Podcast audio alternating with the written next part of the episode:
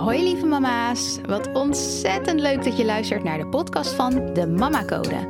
In deze podcast kan je rekenen op een wekelijkse waardevolle talk vol inspiratie, motivatie en eerlijk optimisme. Want daar kan je als moeder altijd wel een extra dosis van gebruiken. Hoe maak je voor jezelf het moederschap nou nog makkelijker en leuker? Luister naar deze podcast en doe er je voordeel mee. Let's go!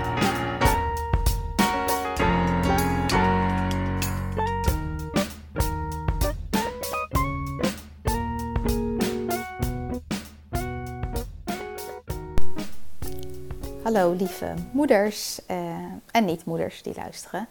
Uh, welkom bij een nieuwe podcastaflevering van de Mama Code. En voor mij was het op dit moment een keuze tussen het boek dat ik aan het lezen ben, om dat verder op te pakken. Um, het boek van Robin Sharma. Het heet The Monk Who Sold His Ferrari. Ik heb het uh, cadeau gekregen van Kim Munnekom tijdens een live event. Um, ja, een heel inspirerend boek. Dus dat wilde ik heel graag verder lezen.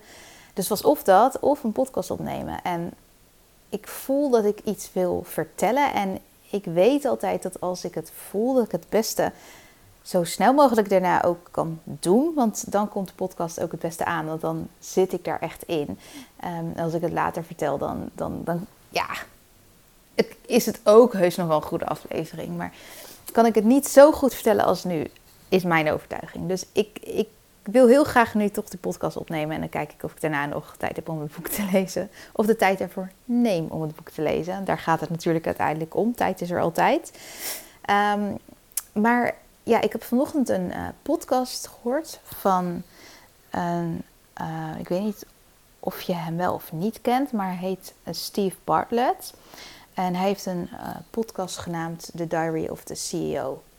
En daarin over het algemeen de meeste afleveringen, ja, grotendeels alle afleveringen, interviewt hij iemand die succesvol is binnen een bepaalde business.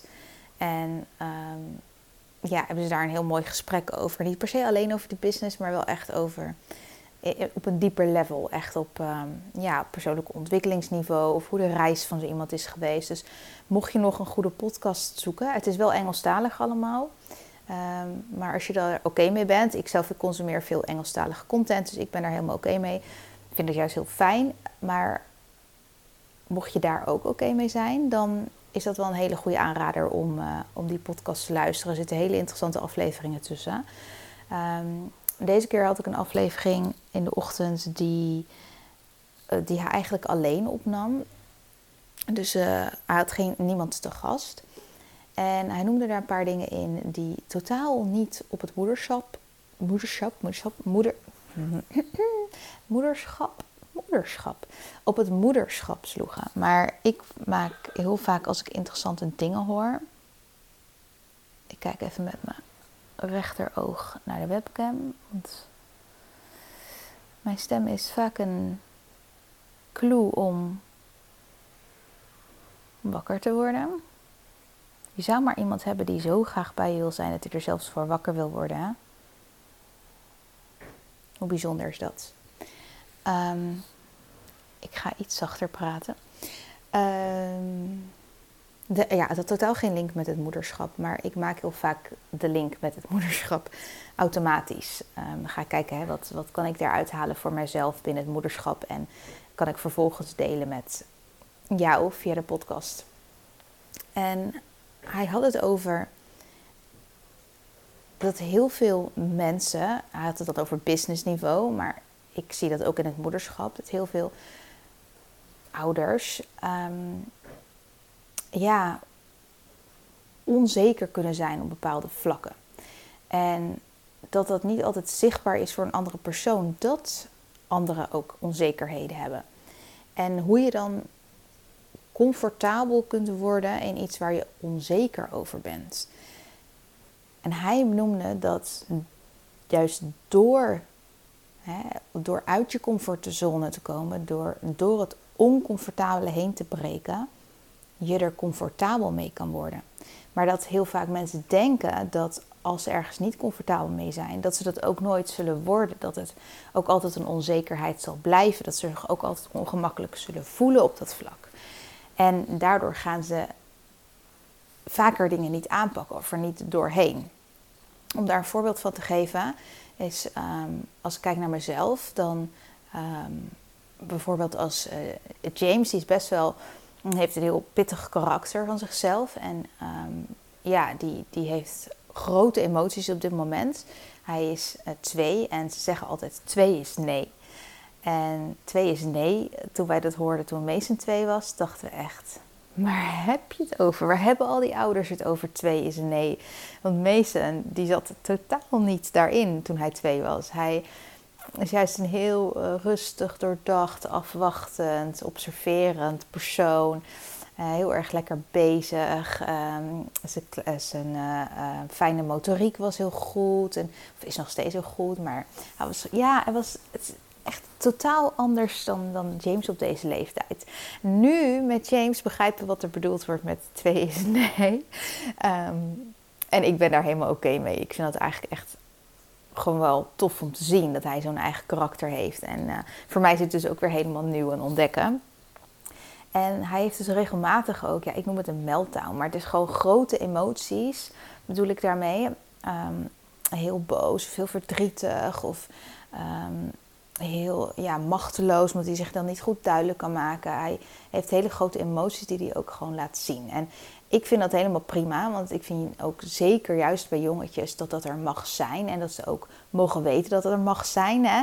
Dat voorkomt in mijn ogen heel veel problemen op latere leeftijd. Want heel veel mannen vinden het moeilijk om hun emoties bespreekbaar te maken. Of te kennen, of ermee om te gaan, of te kunnen plaatsen. En ja, ik, mijn intentie is echt om um, ja, er heel veel effort in te steken om dat voor mijn zoons anders te maken. Ik wil graag zien dat zij wel hun emoties kennen, weten hoe ze ermee om moeten gaan en ook weten dat het er allemaal mag zijn. Hè?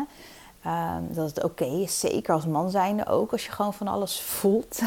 dat het je alleen maar menselijk maakt. Maar om naar mijn punt te komen, hij heeft dus wel eens wat ik noem een meltdown. En ook in openbare plekken. En daar ben ik helemaal comfortabel mee. Ik weet dan heel rustig te blijven en gewoon bij hem te zitten of te staan, hem te laten weten dat ik er ben.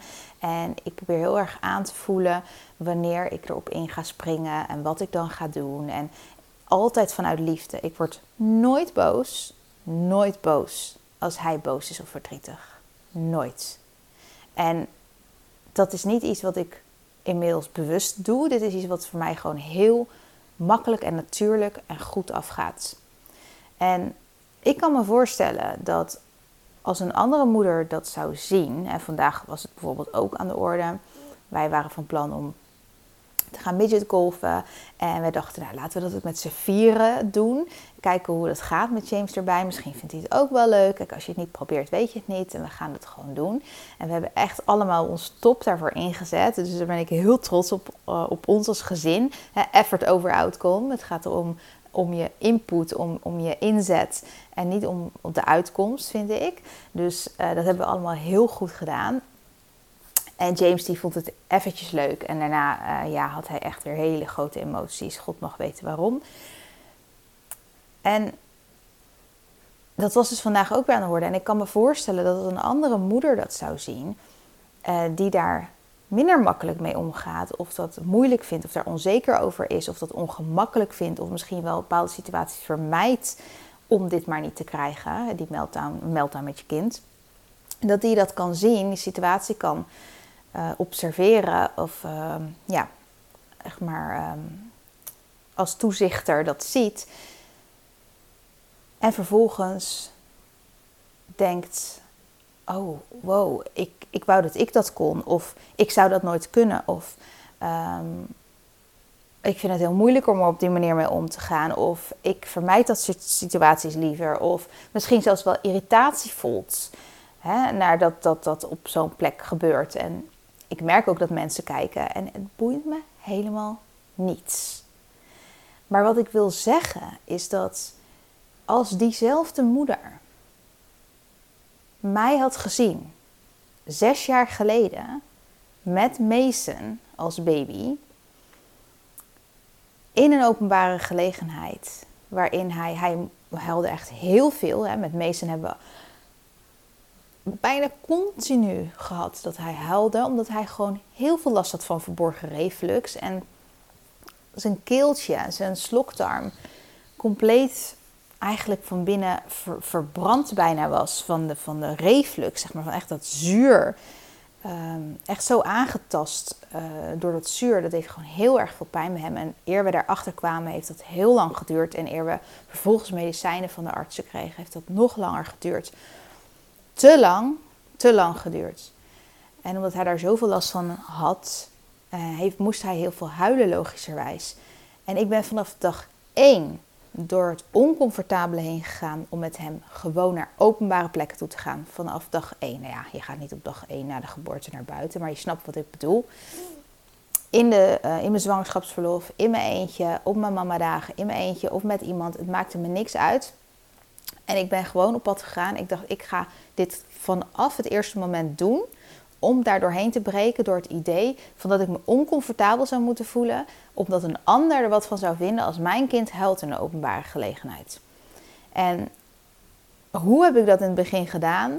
Nou, als diezelfde moeder, die mij vandaag zag bij de Midget Golf, als diezelfde moeder mij zes jaar geleden gezien zou hebben, met rode koontjes, rode wangetjes, ongemakkelijk om me heen kijkend, zweet overal, volledig oncomfortabel voelen, ehm, maar het wel doen. Maar het wel doen. Maar dan had je een ander beeld gehad. En dat is ook wat uh, Steven Bartlett zo mooi vertelde vandaag in zijn podcast. Hij zei, hij heeft het dan over zijn succes in business, hè, dus een heel ander vlak, maar goed. Nogmaals, die vertaalslag. Hij zei, stel dat je een score hebt van 1 tot 18 en dat hij nu business-wise op level 18 zit. En iemand komt hem tegen op level 18. Dan denkt diegene: wow, hij is echt goed in wat hij doet. Hij is echt succesvol. Ik zou daar nooit kunnen komen. Hij kan echt trots op zichzelf zijn. Terwijl hij zegt hoe hij het beschrijft. 18 jaar geleden ben ik gestart, zegt hij, op level 0. En ik heb elk jaar een stapje genomen. Elk jaar ben ik van 0 naar 1 gegaan. Van level 1 naar level 2. Het jaar daarna van level 3 naar level 4. En zo ben ik naar 18 gegaan. Maar diegene die mij op level 18 ziet, zag mij niet op level 1. En je ziet vaak niet de groei die iemand heeft doorgemaakt. Niet het oncomfortabele waar iemand doorheen is gegaan om op een bepaald level te komen. En ik vond het zo fijn dat hij dat aanstipte. Want vaak denken we als we ergens oncomfortabel over voelen of, of iets moeilijk vinden of eng of spannend of uh, niet, niet weten wat anderen ervan zullen denken, dan laten we het maar. Dan vermijden we het. Ik had heel goed alle openbare plekken met mijn kleintjes kunnen vermijden. Ik had heel goed weg kunnen gaan zodra hè, het escaleerde. Om me maar zo comfortabel mogelijk te voelen. Maar het heeft me zoveel meer gebracht om me oncomfortabel te voelen, om me onzeker te voelen en het toch te doen, toch te doen, toch te doen. Alleen door dat te blijven doen, gaat het op een gegeven moment comfortabel voor je voelen. En dat vind ik een hele mooie om mee te geven, want misschien speelt op dit moment wel iets voor jou. Misschien, hè, het, het, is richting, eh, ja, het is zomer, zou ik niet zeggen als je naar buiten kijkt, maar het is zomer. Uh, je gaat misschien op vakantie of je bent op vakantie. Uh, misschien Vind je het super oncomfortabel om jezelf in een badpak of bikini te vertonen, maar zou je zo graag een keer met je kind willen zwemmen of het strand op willen gaan op die manier? En doe je dat niet omdat je er onzeker over bent, omdat je oncomfortabel over voelt en laat je het maar gaan. Maar wat nou als je het gewoon doet? Wat nou als je het gewoon op een dag doet en je maar lekker onzeker en oncomfortabel voelt, zodat je als je het nog een keer doet en nog een keer nog doet en nog een keer doet, je er comfortabel bij gaat voelen. En denk, oh, zo erg was het niet. En kijk hoe leuk ik het elke keer heb. Dat had ik anders gemist. Of misschien wil je wel een dag minder gaan werken, maar denk je van, oh nee, wat zou mijn omgeving daarvan vinden? Dan vinden ze me echt zo moeke, laat ik het maar niet doen. Maar ondertussen mis je die, al die leuke dagen met je kind die je extra had gehad. Al die quality time, alles waar je later op terug gaat kijken en denkt, man, dit was echt waar het, voor de, waar, waar het hè, wat ertoe doet, waar ik het voor doe. Wat ertoe doet. Of misschien wil je juist. Ben je nu een thuisblijfmoeder en wil je juist gaan werken, maar denk je juist: oh nee, wat zal mijn omgeving daarvan vinden? Wat zal mijn partner ervan vinden? Wat zullen mijn ouders ervan vinden? Wat zullen, wat zullen mijn vrienden ervan vinden? Dat ik minder bij mijn kind ga zijn, omdat ik iets ga doen wat ik zelf graag wil doen. Dat voelt oncomfortabel, zeg. Of wat het dan ook voor jou is. Wat is het op dit moment voor jou? Wat je maar niet doet, zodat je comfortabel kan blijven voelen. En dan kan je jezelf de vraag stellen: en wat loop je daarmee mis? Wat loop je mis op dit moment door een keuze die je maakt om in je comfortzone te blijven zitten in het moederschap? Wat zou je zo graag willen, waarin je laat tegenhouden door angst, door onzekerheid, door de mening van anderen? Wat is het in het moederschap dat je zo graag zou willen doen? En wat nou als je die eerste stap zet en het gewoon doet? Want je kan alleen maar comfortabel gaan voelen als je eerst doet wat oncomfortabel voor je is. Het gaat niet als magic comfortabel voor je voelen. En die andere moeder die wel doet of wel heeft wat jij graag zou willen, heeft zich misschien ook eerst oncomfortabel gevoeld. En dat zie je niet. Je ziet niet level 1. Je ziet alleen level 18. Maar om op level 18 te komen, zal je op level 1 moeten beginnen. En wat mis je als je het niet doet? Waar kijk je later op terug en denk je: had ik maar. Had ik me maar niet tegen laten houden door die angst. Had ik het maar gewoon gedaan. En ik hoop dat er een reden is waarom ik nu deze podcast opneem. In plaats van dat ik het boek verder lees. Al is er maar één moeder die dit zetje nodig had, dit liefdevolle zetje, om het gewoon te doen. Om het gewoon te doen, te doen, te doen, te doen, te doen, te doen, totdat je je er comfortabel bij voelt. Just go. Alright. Tot de volgende podcast. Lieve mama's, ontzettend bedankt voor het luisteren. Mocht je de aflevering interessant vinden, maak dan alsjeblieft een screenshot en tag me op Instagram. Daarmee kunnen we samen weer andere moeders inspireren. En ik vind het natuurlijk zelf ook leuk om te zien wie er luistert. Deze podcast is gratis te beluisteren en als je een review bij deze aflevering achter wil laten, zou dat helemaal super zijn. Zo vergroten we het bereik onder andere moeders. Heel, heel, heel erg bedankt alvast en tot de volgende keer.